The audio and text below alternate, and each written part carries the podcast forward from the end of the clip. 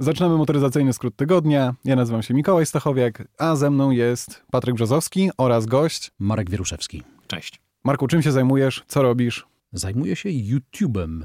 Mm, kręcę filmy o samochodach. Ale z dziennikarstwem motoryzacyjnym jesteś związany od dawna, prawda? Było radio? Tak, było radio, był jakiś tam jeden czy drugi epizod y, telewizyjny. Znaczy, cały czas moje produkcje YouTube'owe są w przedłużonej wersji do, do Motowizji sprzedawane. Natomiast miałem jakiś krótki epizod y, z TVP3, wtedy jeszcze się to nazywało. Był taki program Autoscanner, gdzie zostałem chyba wzięty z łapanki, bo okazało się, że prowadzący poprzedni stracił prawo jazdy i zapomniał o tym powiedzieć, zapomniał o tym powiedzieć y, producentowi i producent dowiedział się dopiero wtedy, kiedy nie wydano, mu, nie wydano temu prowadzącemu samochodu z parku prasowego, bo ktoś mówi, ej, ale pokaż prawo jazdy. Mm, nie. Mm. I zrobiło się, zrobiło się gęsto. Ryzyko zawodowe. Motowizja to jest kanał? Motowizja, Motowizja to jest cała telewizja, tak, kanał motoryzacyjny. Okay. Ale zrobiłem reklamę w podcaście. No, no to jest... najbardziej, no jest to okazja. Kurczę, od pięciu lat powtarzam na końcu każdego odcinka, że możesz zobaczyć w Motowizji bla, bla, bla, i nikt nie wie, co to. Ja słyszałem o tym, ale nigdy na to nie trafiłem na multiplexie. Nie mam telewizora, więc nie umiem się odnieść. Nie masz telewizora, naprawdę? Naprawdę. Wiesz Widzisz? Nie, nie ja tylko nie ja żyć. jestem taki, bo jestem regularnie krytykowany przez Patryka Bo ja nie mogę żyć bez telewizora. Ja lubię, jak ktoś gra w tle. Nigdy to nie było radio, muzyka. Ja tak nie lubię muzyki słuchać w domu, więc zawsze to była telewizja. Okej, okay, rozumiem to w tym sensie, że do wielu domów, do których wchodzę, rzeczywiście telewizor cały czas gdzieś tam gra. Y, to jest pół biedy, jeżeli to jest tylko dźwięk, bo dźwięk potrafię się na dźwięk wyłączyć. Natomiast najgorsze jest to, że to jest zwykle telewizor większy niż okno, bo nie ma teraz małych telewizorów. E, I ja widząc tak duży obraz gdzieś kątem oka, zawieszam się, odwracam się. I tracisz uwagę. Obrazki ruchome. Zachowuje się mniej więcej jak mały kot, który ogląda ptaszki w, tele, w, tym, w telewizji albo za oknem. Już nam o tym powiedziałeś w radiu, ale powtórzmy dla słuchaczy podcastu. Jaki był twój pierwszy samochód, bo jest to ciekawa rzecz. To był Mar... Y, wróć, y, to był Lincoln Mark 7, żeby było łatwiej zgooglować, LSC. To jest e, Mały sportowe, sportowy sportowe coupé według, e, według amerykańskich standardów e, z tamtych lat. Generalnie chyba trochę skrócony town car przerobiony na coupé z takim kołem, niby kołem zapasowym wytłoczonym w klapie bagażnika, tylko że tam nie było koła, bo to koło było dojazdówką z boku gdzieś bagażnika z kitraną. Może to było troszeczkę jak w McLarenie Speedtailu. To jest po prostu spoiler, który aerodynamicznie tam powoduje dociążenie wiesz, tyłu. Wiesz co, e, nie wiem, czy ten samochód miał cokolwiek z aerodynamiką i lekkością e, wspólnego. Ja widziałem kiedyś taki samochód rozebrany częściowo i mam wrażenie, że z przodu była rama zrobiona z szyn. Tak to wyglądało mniej więcej. To był taran. To ważyło, to ważyło grubo ponad dwie tony i dzisiejsze niektóre sportowe suwy prowadzą się, amerykańskie dodajmy, prowadzą się gorzej niż tamto. Znaczy gorzej, inaczej.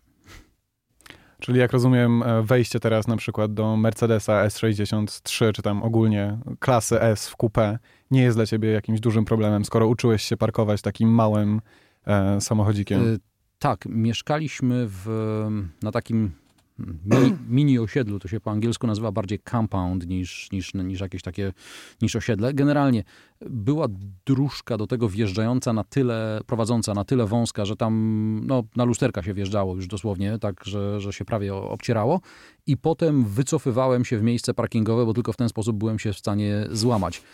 Więc generalnie mało dużych samochodów robi na mnie wrażenie, jeśli chodzi o parkowanie. Zresztą do dziś wszystkie prasówki pracuję, e, parkuję pod domem i muszę się zmieścić, złamać w bramę tyłem na takiej małej osiedlowej uliczce.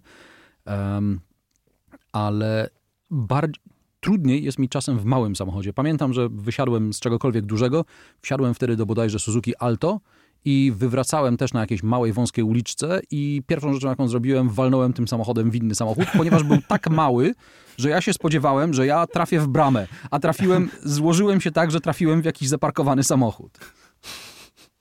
Oczywiście zostawiłem kartkę właścicielowi. To Alto było mocno uszkodzone, a właściciel zadzwonił tamtego samochodu i mówi, bardzo dziękuję, że pan zostawił kartkę, ale ja nie widzę uszkodzenia. Mówię, to bardzo się cieszę. I, tak się, I tak się sprawa skończyła. Czy jesteś jedną z tych osób, u których pasja przekształciła się w biznes, czy to może w jakiś sposób, nie wiem, ten, ten biznes stał się przedłużeniem twojej pasji? Do Wiesz co? motoryzacji oczywiście. Wiesz co, to była lojalność, e, zresztą zupełnie niepotrzebna, e, to była lojalność w stosunku do pracodawcy.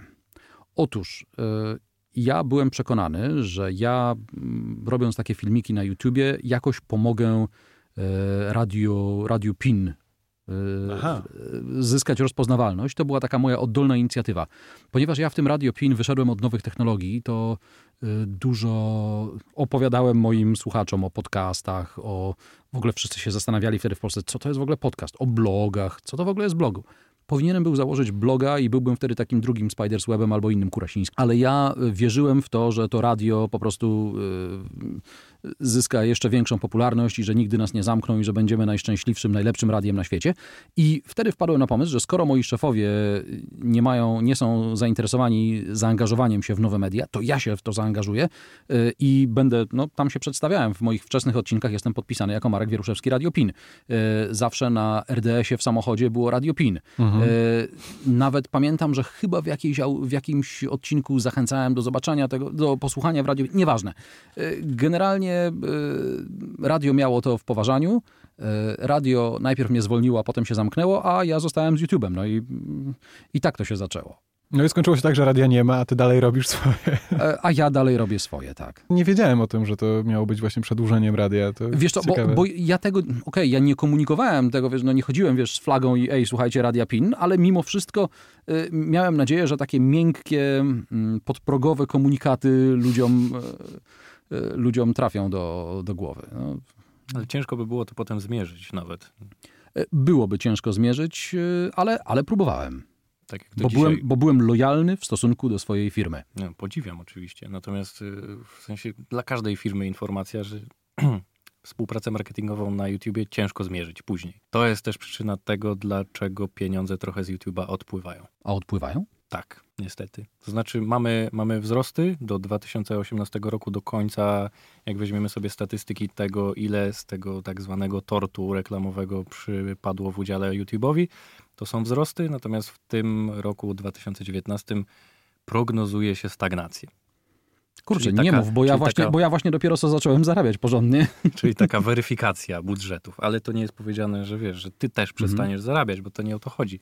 Po prostu, Branżowa po wstawka. prostu no. marketerzy muszą zweryfikować chyba pola, na których działają. No i właściwie zepsułeś mi wieczór, dziękuję ci bardzo. To ja A czym jeździsz na co dzień? Y, MX-5, znaczy na co dzień jeżdżę z y, samochodami prasowymi, ale jest cały czas Mazda MX-5, y, która służy do tego, żebym chciał z tej prasówki wysiąść i pojechać, pojeździć sobie sam dla siebie. To jest właśnie problem. To znaczy problem, nazwałem to problemem, bo, bo to rzeczywiście wysiadasz z tych topowych samochodów, które masz na użyczeniu, a potem wsiadasz do swojego i tutaj może robić się dysonans, ale jak masz MX-5, no to, to rzeczywiście ten tak zwany feeling cię nie opuszcza. Powiedzmy, że jedynym samochodem, który dotychczas równał się z MX-5, a może go i przewyższał, y, to jest Alpine, o czym y, mówiliśmy w newsach. Hmm? Y, Alpine A110 jest to, przepraszam Patryku, bo nie jeździłeś, więc, więc nie wiesz, ale jest to genialny samochód, Dobrze, dobrze już. który tak się ładnie, on się, tak ładnie układa w zakrętach. Ten silnik ładnie się wkręca na obroty. Ten samochód ma dobre wyczucie, jeśli chodzi o układ kierowniczy. To wszystko jest zgrane, nawet jeśli ma tam parę części z Renault i y, nie ma dobrych uchwytów na kubki. Jak nie ma dobrych uchwytów na kubki, to, jest, to nie No. jest dobry samochód. No właśnie. Ale ja, ja jestem gotów go zaakceptować nawet bez dobrego uchwytu na napoje. Wiesz co, ja ostatnio nie miałem okazji jeździć, ale wsiadłem sobie do tego auta, tak jak wszyscy odwiedzający targi Motor Show w Poznaniu. A chwilę wcześniej siedziałem w McLarenie 600 LT. I może teraz za dużo powiem, to zupełnie nie ta skala, ale coś tożsamego u nich zobaczyłem.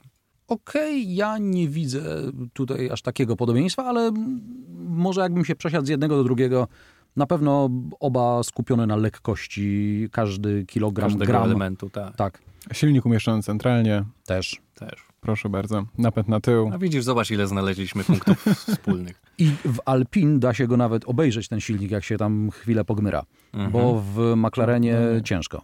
No tak, ale on jest tam specjalnie nisko położony, żeby było lepsze rozłożenie masy, prawda? Wiesz co, w Audi R8 też jest y, silnik y, nisko położony, ale jest pod taką ładną szybą i tam są jeszcze takie LEDy. Jak sobie w nocy staniesz koło tego, tam wiesz, klikniesz go z kluczyka, te LEDy się zapalą pod tą pokrywą silnika. Ciekawe, czy tak samo jak z R8 jest właśnie z Alpin, który ma centralnie umieszczony silnik, czy ta konstrukcja przy wypadku się rozpadnie na dwie części? Silnik zostanie za tobą? Y, Nie wiem, co się z tym stanie, natomiast jak otwierasz, to, to, to nie robi takiego wrażenia jak... No nie, no to 1.8, a V10. Znaczy ja miałem okazję się przejechać dosłownie tam 20 minut, pół godziny Alpiną A110 w wersji Pure, a nie w tej... Ty nie E. mów, nie mów Alpiną, bo wszyscy pomyślą, że to BMW. Że niemieckie, tak, to jest Alpin. Alpiny. Alpin, dobrze. No i co? Co tam było? A swoją drogą, w następnym odcinku podcastu usłyszymy wywiad z Z kim? a propos BMW i Alpin. A tak. No, proszę robiłeś, bardzo. Dobrze, okej. Fajnie zapowiedziałeś. E, także jest do czego, na co czekać. E, Chyba BMW i Alpiny. Słucham? Chyba BMW i Alpiny dla odmiany. Tak, tak, Alpiny. tak. Dobrze, e, A110. A jeszcze, a jeszcze czy Jest będą radia A110. Alt, jeszcze są radia Alpine. Dobrze, A110, co z nim? A110. E, Przejechałem się co prawda chwilę, ale zadziwiło mnie pierwsze wrażenie, jak wsiadłem do tego samochodu, jak bardzo łatwy jest układ kierowniczy, to znaczy nie, nie stawia dużego oporu. Po Megance RS, w której jak włączysz ją w tryb sport, to jest naprawdę spory Opór? opór, tak, spory opór na kierownicy. Tutaj w ogóle tego nie było nawet w tym trybie sportowym. Ale mimo to bardzo szybko się dostosowujesz do tego samochodu. To jest Tak, to znaczy Coś, jest, co- jest pierwsze kilka kilometrów, kiedy nie bardzo wiesz dlaczego i co, co ci jest nie tak, a potem się okazuje, że to właśnie, że to właśnie tak, tak ma być. prawda? Tak. To Dodatkowo, jest bardzo dziwne, bo jak zwykle wsiadam do francuskiego samochodu. Yy, Przepraszam, ostatnio Citroeny bardzo się poprawiły. Ale zwykle jak wsiadam do Renault, już nie mówmy francuskiego samochodu, po prostu Renault, to tam na początku coś jest nie tak i zwykle tak zostaje do końca. Albo jest jeszcze gorzej. Natomiast tu jest dokładnie odwrotnie. Wsiadasz, przez chwilę musisz się przemóc, a potem jest poezja. I nawet to, że łopatki są prosto z Clio e, RS ci nie przeszkadza. I to, że właściwie całe, całe, cała konsola jest wyjęta tak troszeczkę z Renault, nie jest jakimś dużym problemem. Mnie jeszcze zupełnie uwiódł dźwięk turbosprężarki dochodzący do prawego ucha, tylko Wiesz który co, jest tuż za tobą. ja jestem, ja jestem głuchy już. Od, odkąd zacząłem jeździć na motocyklu, a potem przestałem, to jestem głuchy, więc ja nie słyszę takich niuansów. No to takie rzeczy się tam dzieją. Tam słychać, jak tam jest pożerane to powietrze przez tą turbosprężarkę. To, mi to dodało jeszcze więcej Wiesz, nic, charakteru. po, nic poniżej Subaru, która robi to nic poniżej tego nie słyszę. No okej. Czy Alpine ma bagażnik z przodu? Ma.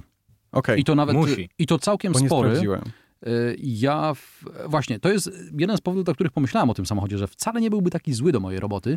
Y, Ja y, swój pierwszy film na YouTubie nakręciłem komórką, a w tej chwili ze sprzętem dobrze byłoby, żebym miał tak 400 litrów bagażnika, jak jadę na, na plan zdjęciowy. Taki mam, wiesz, zestaw małego YouTubera. I po, tak spojrzałem na to Alpin, zmieściłem, tu zmieści się statyw, tu zmieści się skrzynka, tu jeszcze wejdzie dron i wiesz, nagle się okazało, że w te dwa bagażniki jestem się jeszcze, y, bo zaraz muszę dokupić drugą skrzynkę, e, zmieścić y, i, jak się, i, i jeszcze zostaje miejsce dla pasażera, bo w MX-5 mamy ten problem, że jak już zabiorę sprzęt, to koniec. To statyw jedzie na miejscu pasażera albo z pasażerem między nogami. To ty przewoziłeś kwiatka MX-5. Ja przewoziłem, to prawda. Taką wielką paprotkę, która ci wystawała. Tak, do dzisiaj stoi u mnie w domu. Trochę ucierpiała. To znaczy, to był mój kolega, tak go opisałem. Ucierpiał. Włosy mu ucierpiały. To znaczy, do dzisiaj zbrązowiał. I cały czas tkwi w tym stanie. Niestety nie wiem, jak go uratować. No ale trudno. Ja- W zimie się fajnie choinki wozi.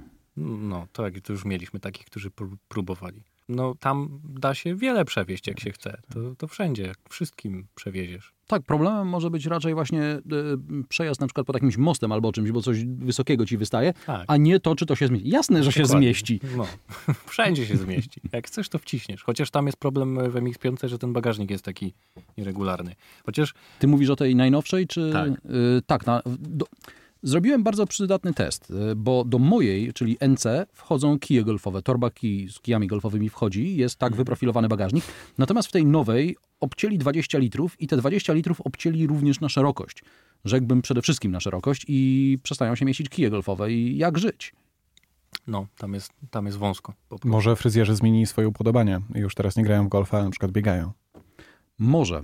I już nie kupią jest- RCZ, bo go nie ma. Marku, mam do ciebie pytanie, które właśnie Nasunęło ci się. nasunęło mi się. E, ty jeździłeś Kajmanem, prawda?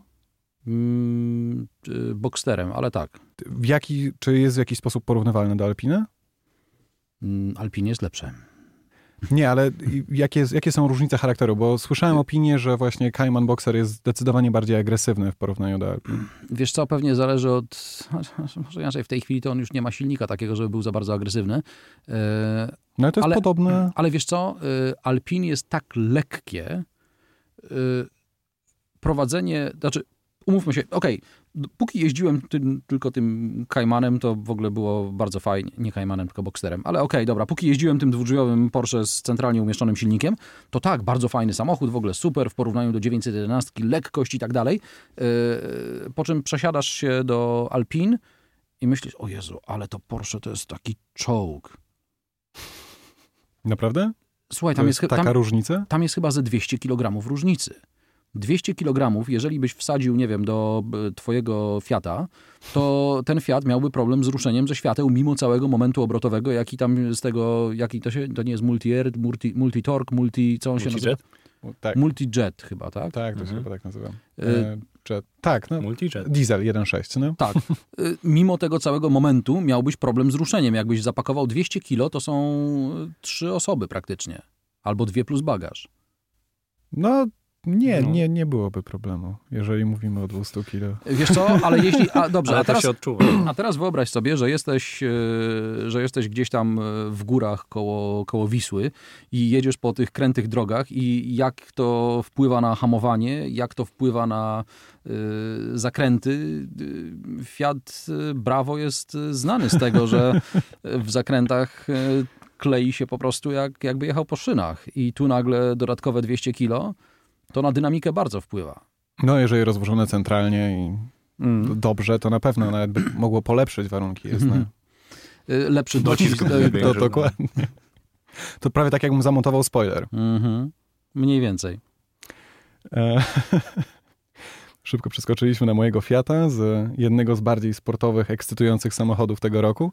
E, Bardzo, bardzo mi miło. Ale okej, y, to, jest, to jest tak. Lekkość. Lekkość i jeszcze raz lekkość to jest wszystko to, co ten samochód y, definiuje i ja nie potrzebuję tego, tego Kaimana. Czyli pytanie o charakter z bardziej agresywny, mniej agresywny. Nie, on nie jest, agres- on ogóle nie jest agresywny. Ja myślę, że to jest, y, że, że okej, że to byłoby coś między MX-5 a Kaimanem. Czyli z jednej strony jest taki bardzo układny na drodze. Po angielsku jest słowo compliant i myślę, Mhm. że ono najlepiej oddaje to, co ten samochód, y, to, co ten samochód robi. Y, A z drugiej strony ma o wiele więcej mocy niż y, taka MX-5, więc o wiele lepiej, o wiele lepiej, mocniej, szybciej jedzie.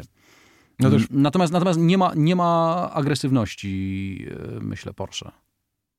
Nie no, bo pytanie, które jak wrzuciłem zdjęcie na Facebooka e, tej Alpine, to od razu pierwsze porównanie, jakie się nasunęło i które było dosyć często poruszane, to było z nowym BMW Z4.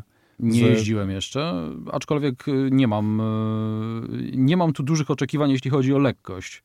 To pytanie mnie całkiem zaskoczyło, bo to są samochody, które są zupełnie różne. Tutaj jest duży silnik z przodu, e, też napęd na tył, ale też wnętrze jest zupełnie innej jakości. To nie jest samochód, który ma być co do zasady chyba sportowym samochodem, szczególnie z tym czterocylindrowym silnikiem. On być, ma być raczej takim cruzerem z otwartym dachem, prawda? Raczej tak. To porównujmy raczej do Supry, którą też nie jeździliśmy, ale może No ale Supra jest zdecydowanie droższe od razu. To już No, nie jest ta jest, kategoria tak. cenowa. Oczywiście.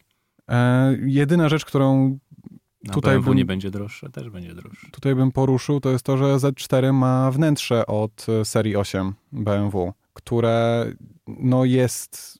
To znaczy nie ma nowy, nowy kokpit. O. Nie no, jak patrzysz, patrzy się na zdjęcia przynajmniej, to wygląda jakby zostało po prostu przełożone z serii 8. Nie jestem gotowy potwierdzić ani zaprzeczyć, ale powiedzmy, że ma te elementy, no, nowe elementy, które się pojawiają i w ósemce, znaczy w X5 i w ósemce i w trójce w tej chwili, to są już nowe elementy, tak. Koncern Fiata, czyli FC, wystawiło ze swojego oddziału Heritage e, dwa egzemplarze Alfa Romeo 8C. Jedno Spider, jedno Coupé. I są na sprzedaż. Są to samochody, które zostały tam delikatnie odnowione, które są gotowe do jazdy. Samochodów ogólnie zostało wyprodukowanych 500 w wersji Coupé i Spider. Jakby oddzielnie 500 Coupé i oddzielnie 500 Spider. No i teraz e, zostały właśnie wystawione w ramach ciekawostki, o tym wspominam. Obecnie ceny tego samochodu zaczynają się od, od miliona złotych, dochodzą do dwóch, trzech i są dosyć, dosyć szalone. Dla przypomnienia 8C to jest e, Gran Turismo tak naprawdę, delikatnie zmodyfikowane. Czy ładniejsze, to jest już chyba kwestia gustu. Czy ładniejsze od czego? Od Gran Turismo. A. No bo masz dokładnie ten sam silnik. E, oczywiście bardzo często wspominało się w, a propos Alfa Romeo 8C, że jest to samochód, który jest zdecydowanie bardziej romantyczny i bliżej drogi. Pytanie. Na oczy nie widziałem, więc nawet, znaczy zdjęcia widziałem, ale nie widziałem na żywo nawet, więc nie mogę się, e, nie mogę się tu wypowiedzieć. E, poza tym, że no tak, ładnie wygląda na zdjęciach. A korzystając jeszcze raz z twojego doświadczenia, 4C? Jesteśmy przy małych sportowych samochodach. Miałeś okazję się przejechać? Nie. Zdaje się, że gdzieś przez chwilę w Polsce się pojawiła, ale zniknęła również szybko, bo jak to bywa z takimi samochodami w parku prasowym, takimi unikalnymi, nazwijmy to, one często są natychmiast sprzedane, wydane trzem redakcjom, żeby, no już trudno, musicie zrobić ten materiał, to zróbcie, tylko nie zajeździcie tego i potem idzie dalej gdzieś. No tak czasem bywa, więc do tego 4C się nigdy nie, nie dopchałem. Y, aczkolwiek tak, tu do Alpin byłoby na pewno dobre porównanie, poza tym, że Alpin ma klimatyzację. Też od razu przypomnę, że 4C w wersji Coupe już nie jest sprzedawane, tylko w wersji Spider, bo też ostatnio zostałem zniszczony za takie porównanie, że przecież można kupić Alfa Romeo 4C. A oni dalej go robią? W wersji Spider. Nie, znaczy, 8C nie. Nie, 4C. 4C, Jezu, 4C ja nie dalej jest produkowane, Wiesz ale co? już bo... bez dachu tylko. A, ja nawet nie wiedziałem, bo jak się przechodzi na targach koło stoiska Fiata, to y, tam zwykle stoją Fiat, przepraszam, Alfy Romeo, e, to tam zwykle stoi jakaś kolejna limitowana edycja Julii, Julietty i w ogóle takie coś jak 8, jak 4, przepraszam, C nie jest komunikowane. Y, może, Może też dlatego się tak dobrze sprzedaje w Polsce. Wiesz co, wiele samochodów się dobrze w Polsce sprzedaje. Ale to, co zrobili z Abartem, widziałeś to na targach w Poznaniu? Jak Abarta ładnie wcisnęli w kącik i wystawili najgorszą możliwą konfigurację, jaką w życiu widziałem w Abarcie? Ale Abarty akurat się same sprzedają, podobno. Znaczy... Nie można było zrobić gorszego marketingu niż to wydarzenie właśnie na stoisku Fiata. Co się stało z Abartem? Słuchaj, chodziło o to, żeby on nie przyćmił e, tonale. Może. No ale chyba nie miał szans, tak ogólnie nawiasem, rzecz biorąc. Nawiasem mówiąc, przepraszam bardzo, yy, widzieliście tonale, zwróciliście uwagę na to? Tak. tak. Czy to nie wygląda, jakby chłopcy odkurzyli trochę ten taki, to się chyba nazywało kamal, który pokazali, nie wiem, z 10 albo 15 lat temu. Odkurzyli go, przemalowali, postawili, powiedzieli, to będzie plug-in hybrid y, z napędem, który dzielimy z Jeepem. Tada! Ja byłem zauroczony tym stoiskiem, bo była Formuła 1. E, także zostałem kupiony, nawet nie patrzyłem specjalnie na to tonale, które Przyznaj się, że były jakieś hostessy. W Poznaniu jeszcze Ale są. Nie, najlepsze hostessy, przepraszam, że tak. No dobrze, tak. Powiedzmy o ważnych rzeczach. Właśnie. tak, ile można. Nie, ale był jakiś podobno plebiscyt. Pogadajmy I... o dupach. Tak. I, na, i, I dziewczyna, która wygrała ten plebiscyt na najlepszą, najpiękniejszą, zakładam, hostessę, stała na stoisku kij. Mm, Jak Rzeczywiście rozumiem... Monika Krzesak bardzo dobrze dobiera dziewczyny. Zresztą jeden z youtuberów e, zrobił właśnie e, taki swój e, subiektywny ranking. Ja tak, widziałem. Wywiady z dziewczynami. O, o, właśnie, Kto? widział. O Jezu, Jar... Nie, to jest... Jar... To nie jest jakiś chyba specjalnie znany youtuber. Znaczy ja nie wiem, czy on jest... Nie, nie, znaczy, nie. nie jest duży, o to mi chodzi. Tam ilość wyświetleń nie Słuchaj, była nie, obra nie obrażaj go, że on jest nieznany, wiesz, no... Że mam, mowa. Jak na razie przynajmniej. No, teraz to już będzie. W każdym razie zrobił wywiady ze wszystkimi e, dziewczynami. On się chyba nazywa... Ma e, Nika Jarpen... Coś jakoś tak. Mhm. Chwytliwa nazwa. Yy, tak. Wiesz co, bo ja mam wrażenie, że on nie jest z Polski i to jest jego imię i nazwisko chyba naprawdę. Mhm. E, przynajmniej tak z twarzy wyglądał. Z drugiej strony mnie też czasem, czasem mylą, więc to jaką masz twarz jeszcze nic nie mówi. Nie wiem o czym mówicie, ale mhm. chętnie zobaczę. Ale wracając do pytań. E, z jakim samochodem było ci się najtrudniej rozstać? Ja nie mam problemu z rozstawaniem się z samochodami. Niemożliwe. A to jakiś, który byś z powrotem kupił? Jeżeli nie miałbyś to znaczy, może inaczej. Ja ograniczeń swoich, finansowych, to znaczy, jeden ja swoich, samochód, który Ja swoich byś... prywatnych nie miałem aż tyle. E, więc e, Lincolnem owszem, fajnie się jeździło, ale wiesz, pewnie mi się jeszcze przejechał raz czy drugi, ale e, tak bez przesady. E, Mazda MX-5, gdybym miał sprzedać jutro, no trudno, trzeba sprzedać, tylko Ania się na to nie zgadza. Poza tym sprzedać i co? No, trzeba jeszcze na coś zamienić. Ja mam właśnie problem raczej w drugą stronę, co kupić, a nie, a nie z czym się rozstać. Wiesz, tam były jakieś maluchy, tego typu rzeczy. Peugeot 306. Zresztą bardzo fajny samochód, no ale no okej, okay, no i co? Był i sprzedałem, no. Okej. Okay. E, który był twoim ulubionym w takim wypadku? Znaczy, ulubiona, ulubiona jest Mazda, no. Dalej. To, znaczy, tak. Znaczy, wiesz co, A może... który jest ulubionym ze wszystkich samochodów, które testowałeś? Taki, nie wiem, chociażby sportowy. Hmm.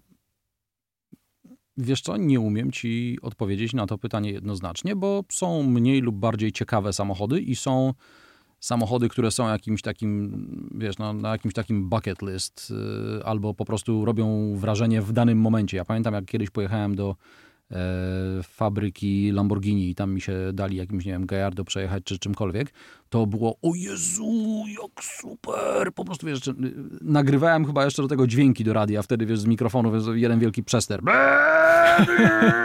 E, ale, ale coś tam ponagrywałem i wiesz, i wtedy mi się wydawało, że to po prostu osiągnąłem e, szczyt swojej motoryzacyjnej kariery, bo właśnie przejechałem się, przejechałem się Lamborghini, ale mam wrażenie, że raczej podchodzę do tego bardziej mm, spokojnie już, y, już z czasem. Wiesz, to tak samo kiedyś, wiesz, przejechałem się Rollsem, jednym, drugim, w ogóle, kurczę, przejechałem się dwoma Rollsami praktycznie naraz. Miałem test dwóch Rollsów w jednym odcinku, e, bo pojechaliśmy, okej, okay, jak Rolls-Royce przywozi te samochody prasowe do, do Polski, to najlepiej mają ci, którzy te samochody odbierają, bo są wtedy wysyłani do Niemiec i z Niemiec jadą tymi samochodami do Polski i dopiero potem przejmują w Polsce to kolejne, kolejne redakcje. I dwa razy miałem przyjemność zrobienia takiej, takiej trasy z Niemiec, z Niemiec do Polski. Mhm. Raz jechałem właśnie z kolegą, jechaliśmy na dwa samochody. Y, na granicy gdzieś tam pod, y, pod Gerlitz zgarnęła nas policja. Y, policja, znaczy psy obwąchiwały te samochody, bo jak wiadomo, do Polski narkotyki przewozi się tylko Rolls-Royce'ami. No ale okej, okay, jak, jak psy nic nie wykazały, to panowie tam zaczęli tak, zaczęli tak nieśmiało tam wie viel Zylinder, 12. O, ja, gut, gut. E, nie wiem niestety, jak jest dywan po, e, po, po, po niemiecku, ale chciałem właśnie, wiesz, panu pokazać, że tutaj taki dywanik z tej kalifornijskiej owcy i że, wiesz, dotknij, dotknij, ale mm, lepiej nie. E, w każdym razie tak, okej, okay. taki Rolls Royce jest bardzo fajnym samochodem i z niego się bardzo trudno wysiada, ale potem wsiadasz do, do MX-5 jest super. Ale robię maździe, tylko nie, nie ND, nie lubię ND. Chciałem właśnie powiedzieć, że robię Maździe reklamę, ale nie. NC jest ta właściwa. Okej. Okay. Czyli poprzednia generacja. Tak. Poprzednia. Dobrze. E, a propos przejeżdżania przez granicę. E, w 2010 roku, teraz to było całkiem jakoś rozpopularyzowane, oglądałem niedawno i czytałem jakiś artykuł o tym, że była trójka złodziei z Polski, która pojechała do Szwajcarii i ukradła Veyrona, e, chyba Ferrari 599 i coś tam jeszcze było takiego sportowego, egzotycznego. I przejechali spokojnie granicę ze Szwajcarii i w Niemczech ich zatrzymali. Okazało się, że nie zatrzymali ich dlatego, że oni ukradli te samochody i byli ścigani, tylko dlatego, że nie zapłacili podatku przekraczając e, granicę. W związku... Słuchaj, to jest jak Al Capone, wsadzili go za podatki. Dokładnie, także E, najpierw złapali ich za, za to, że nie zapłacili tych podatków, czyli im te podatki, które mhm. powinny być, no jak weźmie się podatek od Veyrona, od jego ceny nowej i dodatkowo jeszcze od Ferrari i od czegoś tam jeszcze sportowego, to chyba im wyszło 200 tysięcy euro. Dodatkowo dostali jeszcze, także do, dostali tą, tą karę finansową, plus e, dostali po prostu więzienie w Szwajcarii. Także tuż na granicy niemiecko-polskiej już przejechali właściwie cały ten kawałek, zostali złapani.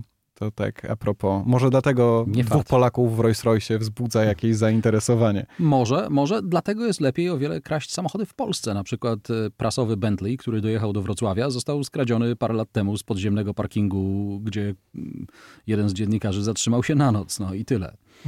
O. I odnaleziony kiedykolwiek? Nie no, coś ty. To jakiś czas temu był ten Aventador, który został ukradziony gdzieś w Wielkiej Brytanii, Dlatego został znaleziony pytam, w polskiej, tacy, w polskiej wsi, na zostawiony na środku z Tak. kluczykami wewnątrz.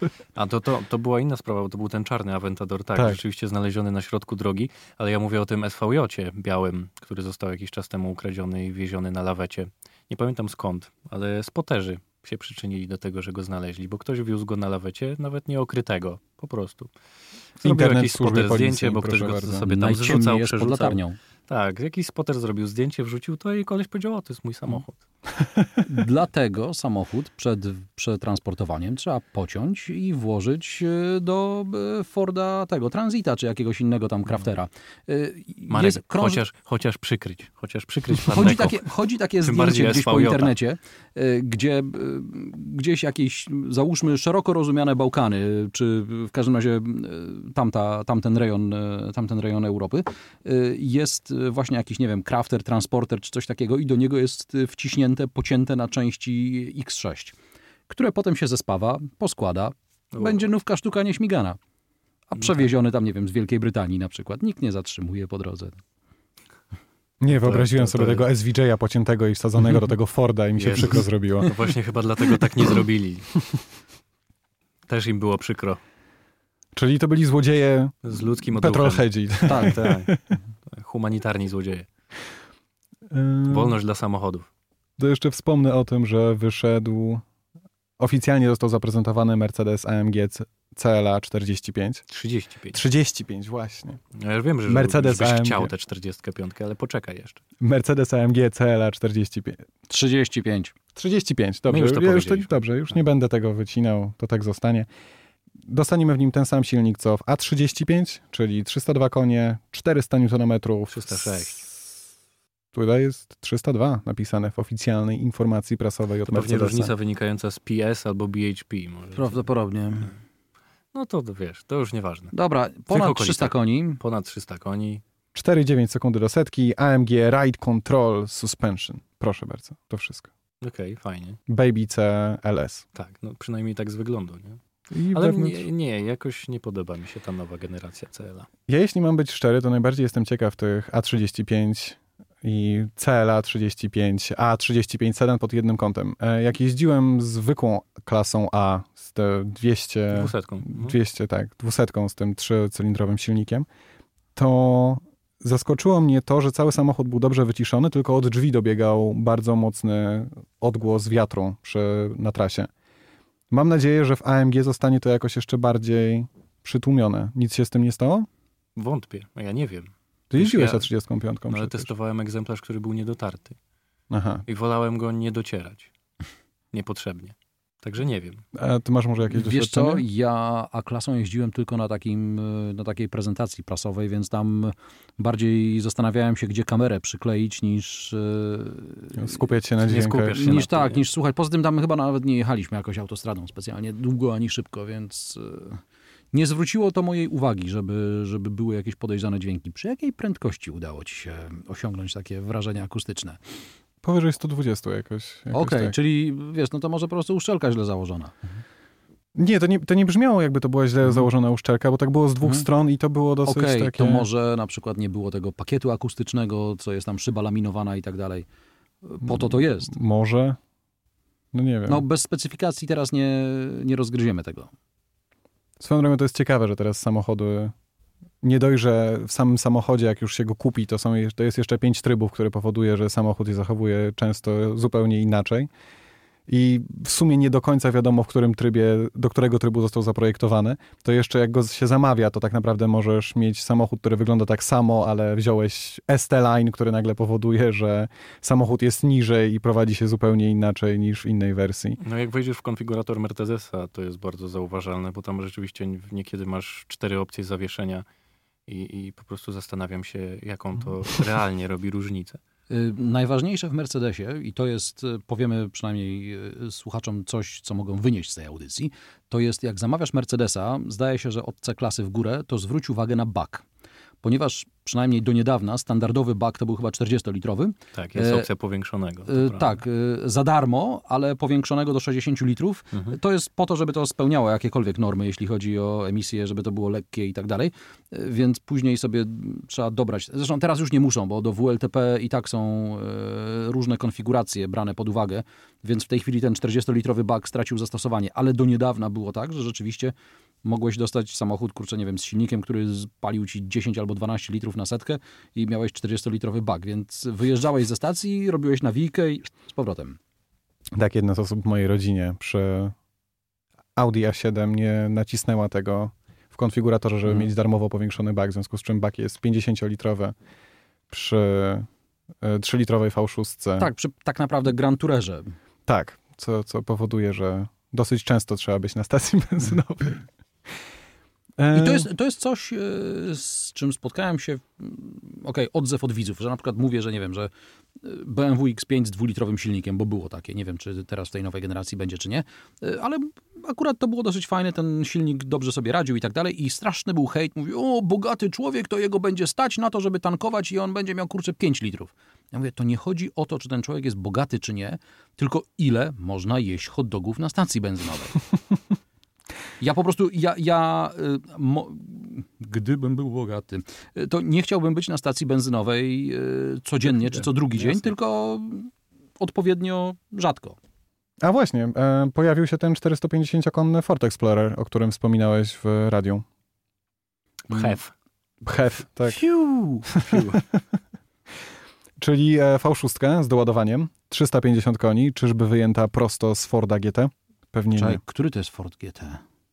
Taki, taki, sportowy, obniżony, hydrauliczne zawieszenie. Trzeba zostać wybranym przez Forda, żeby... A, ten, o Jezu. Y, Ja, y, tak, okej, dobrze, nie, to są samochody, które są tak y, poza moim, że tak powiem, spektrum, jeśli chodzi o możliwość przetestowania tego, mówię o Fordzie GT, nie o Fordzie ogólnie, że kompletnie się tym nie zajmuję. To jest tak, ja kiedyś na przykład polowałem na tę Akurę nową i co z tego, jak y, nigdy ona nie dojedzie do Polski poza jakimś prywatnym importem i, i, i. Mówisz o NSX-ie? tak, o NSX-ie. No bo może dlatego, że w Polsce jest to Honda. Y, Nadal nie dojedzie.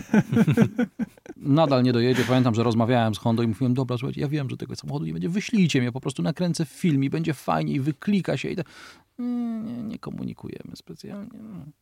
No i tyle. Tak, no. no. Nie jesteśmy krajem priorytetów.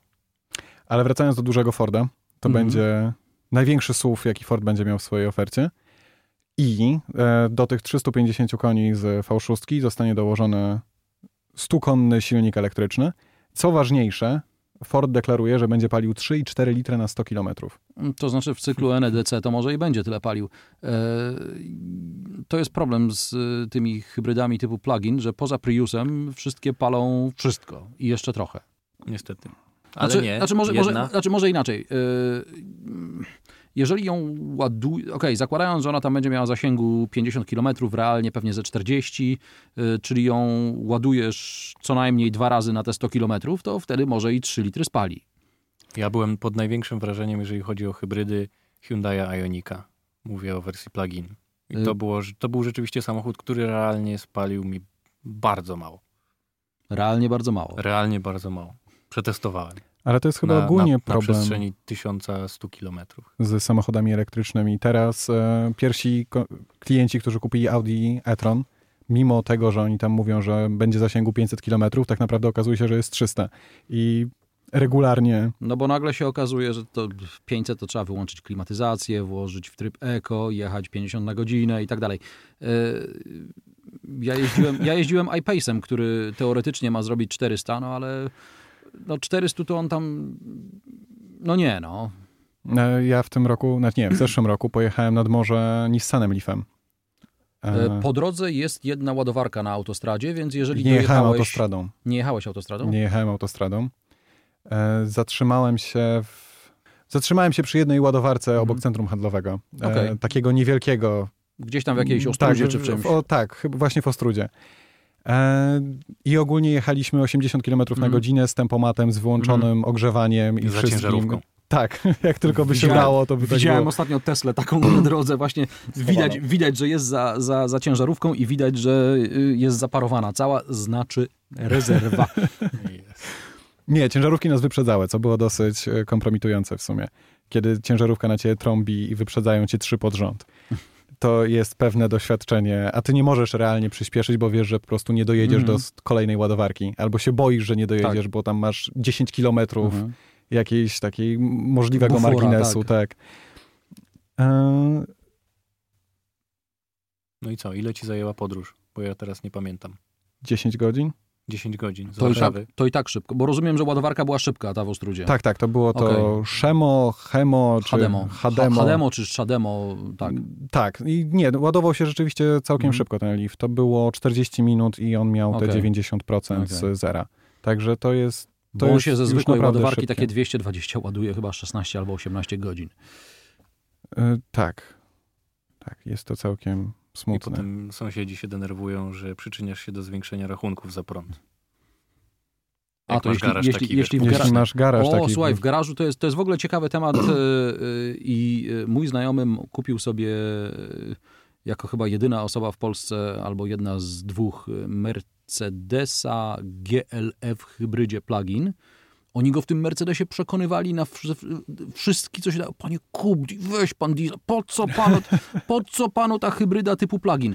E, Ale on się uparł, kupił w końcu ten samochód e, i w związku z tym musiał, znaczy musiał, chciał przede wszystkim e, u siebie w takim właśnie garażu, w, w garażu podziemnym zainstalował sobie osobne gniazdko i z tym, jest, z tym jest w ogóle problem, bo on to musi mieć podłączone pod licznik domowy, bo nie można mieć osobnego licznika w tym garażu.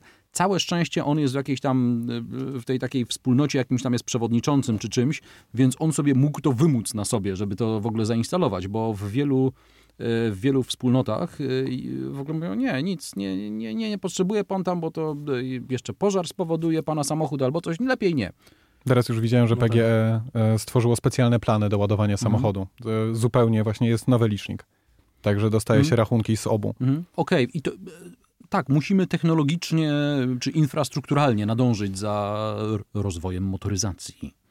Ale to ciekawe, jednym z pierwszych e, Mercedesów, które testowałem, było E350e z małym E na Mhm. końcu. E, I to jest właśnie, Tak, to jest To- ten sam, to jest to ten jest- sam napęd tak to jest naprawdę. ten sam napęd. Czy, okej, ten sam albo jeden z podobnych. No, tak, to jest 350, w GL to się chyba nazywa 400 dla odmiany, ale Tam był dwulitrowy silnik benzynowy i... To nie, to on ma chyba ten większy, on ma chyba V6 tam. Ale to jest jak gdyby drugorzędne. Chodzi o to, że 20-30 km może przejechać na prąd i musi to gdzieś załadować. Tak, i realnie tak naprawdę przejeżdżał 10 km na prąd, a później tylko miał dodatkową masę ten dwulitrowy silnik, przez co paradoksalnie paliło się więcej. To połączenie tych, tych trybów w ogóle nie działało. Rzeczywiście, Bardzo rzadko działało, może, O, może tak. inaczej, tak. Średnia spalania raczej graniczyła od 8 do 16 litrów, a, a, a nie jak tam podawane 6. Niestety, co Mhm. było mi przykro. Ale szkoda, później bo- to się poprawiło. bo sama technologia y, ma sens, to ma być ten most łączący między miejskimi elektrykami, a właśnie samochodami y, nadającymi się w trasę. I ja to też rozumiem, szczególnie w kraju takim jak Polska, gdzie kupuje się jeden samochód i ten samochód ma służyć do wszystkiego, to hybryda typu plug-in miałaby sens pod warunkiem, że ona miałaby realny zasięg te 50-60 km w mieście, żeby dało się nią przejechać, umówmy się, z, nie wiem, z Tarchomina do Mordoru. Yy, To jest W korku. w korku. W korku to jest akurat najmniejszy problem, E, ale okej, e, to jest za 20 km w jedną stronę, czyli 40, plus jeszcze zboczyć, żeby, nie wiem, odebrać dziecko z przedszkola, zrobić zakupy, no i wyjeździłeś już w tym momencie cały swój limit. E, Więc po pierwsze trzeba mieć to gdzie załadować, co poza domem jednorodzinnym jest e, skomplikowane, bo w tym momencie nie ładujesz tego z szybkiego gniazdka, tylko z 220 domowego. Tam nie ma chyba nawet e, połączenia typ 2, żeby szybciej to podładować. Niekoniecznie jest. Było, było. Zależy od Mhm. samochodu, ale w niektórych jest, w niektórych nie ma, albo jest to opcja. Yy, I no, to jest samochód do miasta, gdzie nie musisz włączać silnika spalinowego, teoretycznie. Ale my w Polsce jesteśmy paradoksem pod tym względem, bo pamiętacie, że wyszła u nas ustawa o elektromobilności, która to wyklucza hybrydy Tak. typu plug-in z jazdy w strefie Tak. zielonej tak zwanej, czyli tej, tego nis, niskie, niskoemisyjnej. Y, To akurat być może jest y, Mamy- pokłosie przykładów z Holandii, gdzie ludzie kupowali hybrydy typu plug-in. Przecież tam się ten y, Mitsubishi Outlander fiu, sprzedawał na pniu, bo oni mieli bardzo duże, mm, Zniżki. nawet nie tyle co zniżki, co chyba bardzo obniżali im podatek za samochód, za korzystanie z samochodu firmowego. Tam się płaci podatek y, za korzystanie z samochodu firmowego do celów prywatnych, o ile dobrze się orientuję. I były bardzo duże zniżki na to korzystanie, właśnie jeżeli jest to hybryda typu plug-in. I sami Holendrzy, holenderscy dziennikarze, y, Autoblog NL z napisami, polecam, chyba że ktoś mówi po holendersku, e, to, y, czy po flamandzku, nieważne, e, to mm, to oni sami przyznawali, że tak, bardzo fajnie, że kupujemy tych samochodów od groma i trochę, ale nikt tych samochodów nie ładuje. Wszyscy po prostu wyjeżdżają później, wszyscy po prostu jeżdżą na tym silniku spalinowym i tyle. To trochę jak wjazd do Londynu, prawda? Jak się miało hybrydę, to Tak. też nie trzeba było Mm, płacić. I to, czy te samochody były ładowane, czy nie, i czy jeździły na silniku benzynowym, też w ogóle Znaczy, nie było sprawdzane. w przypadku zwykłej hybrydy y, to było nie do sprawdzenia, bo ten, tak, ten system się włącza, wyłącza w, w ramach, w miarę potrzeb i w miarę pojemności akumulatorów. Natomiast rzeczywiście PHEV y, nie masz, a, nie masz, wróć, bodajże Volvo y, pracuje nad technologią y, Volvo czy BMW, żebym nie powiedział, żebym, żeby mnie później nie łapali za słówka. Jedna z tych firm w każdym Wydaje mi razie. się, że Volvo, bo też o tym E, czytałem. Pracuje tak na takim e, geo, geo e, fencingu, Mhm. gdzie rzeczywiście wjeżdżając do strefy zero emisji, puch, włącza się silnik elektryczny i jedynym sposobem chyba, żeby włączyć silnik spalinowy, to jest jak- jakby się skończył, no ale to też bez sensu, bo jak nie ładujesz, to nie ładujesz. Chyba, że masz tylko czas na wyjechanie ze strefy. Jeżeli, jeżeli ci się odpala silnik spalinowy, bo skończyła ci się bateria, to powiedzmy, że masz, że masz powiedziane, masz 5 minut na opuszczenie strefy, bo potem mandat. Inaczej Jezu, to samo będzie- zniszczenie. Jezu, to będzie jak z tymi, jak z tymi, o czym mówiliśmy w radio, o tych, o, tych, o tych telefonach przyklejonych na szybę w Wielkiej Brytanii. Wiesz co, ale to jest Polak. Polak zawsze zacznie kombinować. A jak ja mam wyjechać, jak mi się samochód rozładował? No panie, no przecież nie zostawię go tutaj, bo wtedy będę musiał za parkowanie jeszcze dodatkowo płacić. No to przecież ja muszę wyjechać. No to gdzie mandat? Ja wyjechałem po to, żeby miejsce zostawić. To ja już się bardziej boję jakichś takich rozwiązań ustawowych, których nagle na ekranie pokaże się, zostało ci 10 minut do wyjechania ze strefy X i będzie odliczać, a jeżeli się skończy, to nie dość, że będzie bipać, tak jakbyś nie miał zapiętych pasów. Samodestrukcja. Tak, Autodestrukcja, dokładnie. tak. No i tyle. To e, trochę tak jak z samochodami i e, niemieckimi i z ich nakłanianiem do tego, żebyś e, zrobił już przegląd. Najpierw pokazuje się wiadomość o tym, że zostało 30 dni do przeglądu, później jest za 15 dni umów przegląd, a później jest nie omówiłeś przeglądu minus dwa dni, co tak jakby nakazuje, że masz się czuć gorzej ze sobą, że tego jeszcze nie zrobiłeś, mimo tego, że na przykład nie wiem. Ty, ale ja w swoim francuskim mam podobnie. Tak? Tak. Nie, to ja Też w... mnie męczą. To. Wiesz co, we francuskim samochodzie to ja mówię, e, napijmy się wina, zjedzmy bagietkę i se, a, nie potrzeba serwisować samochodu, on A jest ja ostatnio- doskonały. Ostatnio przyjechałem do serwisu i pan mi powiedział, ale jak to? Ale to nie, to proszę wrócić za rok. Bo ja, ale ja mówię, no, samochód pokazał, że miałem przyjechać na serwis. On nie, to źle panu pokazał. I weź dyskutuj. Ale powiedziałem, proszę pana, to jest taki samochód, w którym trzeba zrobić ten przegląd, więc bardzo proszę. Okej, jeżeli pan chce, to ja mu panu mogę, mogę zrobić, dobrze. Więc dokładnie tak wyglądała moja rozmowa w serwisie. Nie, to e, Fiaty są zdecydowanie bardziej łagodne, jeśli chodzi o wiadomości. Dopiero przy jednej trzeciej e, rezerwy paliwa pokazuje się, że konieczne jest uzupełnienie paliwa, a przedtem jest uzupełnij. Wiesz, ty masz By, auto, Być może należy coś tam gdzieś wrzucić do tego baku. ty masz takie auto, no, Bella, na, napijmy się. że na rezerwie byś dojechał do Gdańska, więc ty to możesz sobie zlekceważyć. No, moja rezerwa to jest e, 250 km, także bardzo to jest miłe. E, dobra, kończymy. E, bardzo dziękuję, Marku, że odwiedziłeś nas w tym odcinku, Dziękujemy. Dziękuję za zaproszenie. a my się słyszymy za tydzień. Oczywiście. 16.30, 40 w Radio Campus. 97.1 w Warszawie, a jeśli jesteście spoza, to radiocampus.fm i tam jest player, można nacisnąć nas słuchać wtedy. Tak. Dobrze, to do usłyszenia. E, Wszelkiego rodzaju linki do profili Marka i naszych znajdziecie w opisie. No, do usłyszenia. Hej.